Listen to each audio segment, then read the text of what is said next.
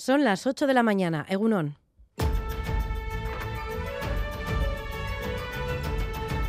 Crónica de Euskadi con Irache Martínez.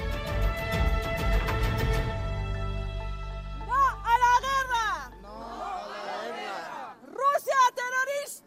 ¡Rusia terrorista! Por favor, parar esta guerra. Por favor, será el cielo. Hacer algo. Que Ucrania está aquí, está a la vuelta de la esquina. Si caemos nosotros, vienen aquí.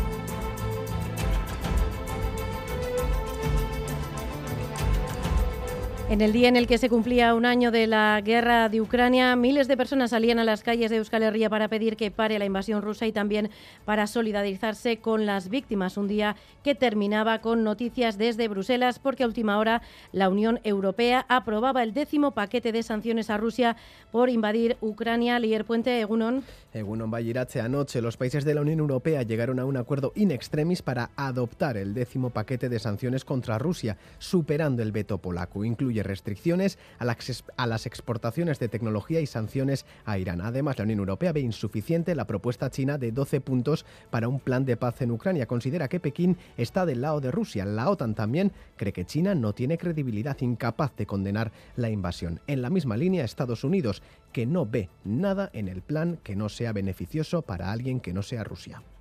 Abrimos línea con Kiev. Ahí está el equipo de Radio Euskadi desplazado a Ucrania con motivo de este primer aniversario de la invasión rusa. Saludamos ya al jefe de informativos de Radio Euskadi, Dani Álvarez, para conocer cómo ha ido esta primera noche tras cumplirse un año de la guerra. Egunon, Dani. Egunon. ¿Cómo ha ido la primera noche? ¿Ha sido tranquila?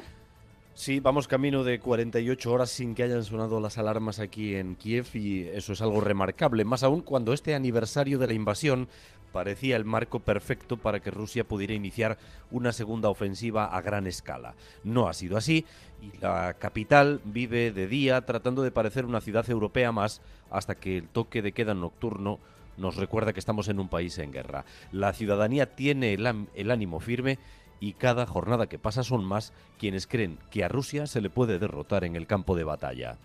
Bueno, pues enseguida volveremos aquí para conectar con el resto del equipo, enviado especial de Radio Euskadi a la capital ucraniana, pero también les contamos que hoy será noticia la manifestación, las manifestaciones que han convocado para este mediodía SATSE, el ALAB, el Sindicato Médico de Euskadi, Comisiones Obreras y UGT en las tres capitales de la comunidad autónoma vasca para denunciar lo que califican de desmantelamiento de Osakidecha. Hoy estará con nosotros además Amaya Mayor, portavoz de SATSE en Euskadi. Pero antes vamos con la actualidad deportiva. John Zubieta, Egunon. Hola, Egunon. Empezamos por la Real Sociedad que se mide esta noche en Mestalla a un necesitado Valencia hundido en la zona de descenso. El choque se jugará al día siguiente de conocer que la Roma de Mourinho será su rival en la Europa League.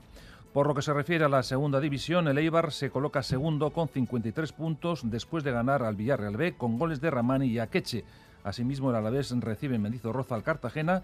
En caso de ganar, dormiría líder, aunque Las Palmas jugará mañana. En baloncesto, el Vasconia perdió 88-83 en Bolonia ante la Virtus. El equipo de Peñarroya es séptimo en la tabla de la competición europea. Hablamos también de pelota porque Altuna y Tolosa se impusieron por 22-19 a la Razábal y al Viso en Zaya. Esta tarde se van a medir Irribarría Rezusta a Peña Marizcurrena en el Labrid y en Iscar duelo entre Jacaranguren y el Ordi y Zabaleta. En balonmano, meritorio empate a 34 de Anaitasuna frente al Granollers. Y en ciclismo, Pello Bilbao sigue tercero en el Tour de Emiratos Árabes Donde domina Ebenepul. O en, en o Gran Camino manda Vingegaard, Johnny Zaguirre es tercero en la general a 31 segundos del danés. Y en el Tour de Ruanda, Víctor de la Parte es cuarto en la general, Mikel Vizcarra es octavo, además Euskaltel Euskadi lidera la clasificación por equipos. Tenemos hasta ahora 6 grados en Bilbao, 3 en Donostia, 2 grados en Bayona y menos 3 grados en Vitoria-Gasteiz e Iruña. Tengan en cuenta además que este sábado eh, hay que estar alerta porque estamos en aviso amarillo por heladas. Vamos con el pronóstico del tiempo para las próximas horas. Euskalmet, Mayale Niza, Egunon. Egunon, hoy tendremos un día de transición. Hemos empezado el día con temperaturas muy frías y se están dando heladas en gran parte de Álava y Navarra. También está helando en el interior de Guipúzcoa. Luego, en las horas centrales, las máximas pueden subir un poco, pero se mantienen las temperaturas frescas. Por la mañana el ambiente será claro, con nubes medias y altas. Luego, con el paso de las horas, las nubes irán a más y por la tarde-noche puede llover un poco cerca de la costa. Pero en resumen, hoy el día será tranquilo y frío. En carreteras sin incidencias a esta hora, según el Departamento de Seguridad, en el control técnico, Jorge Ibáñez, Paul Asensio y Arancha Prado, y en Kiev, Joseba Urruela. Son las 8 y 5 minutos de la mañana. Comenzamos. Crónica de Euskadi con Irache Martínez.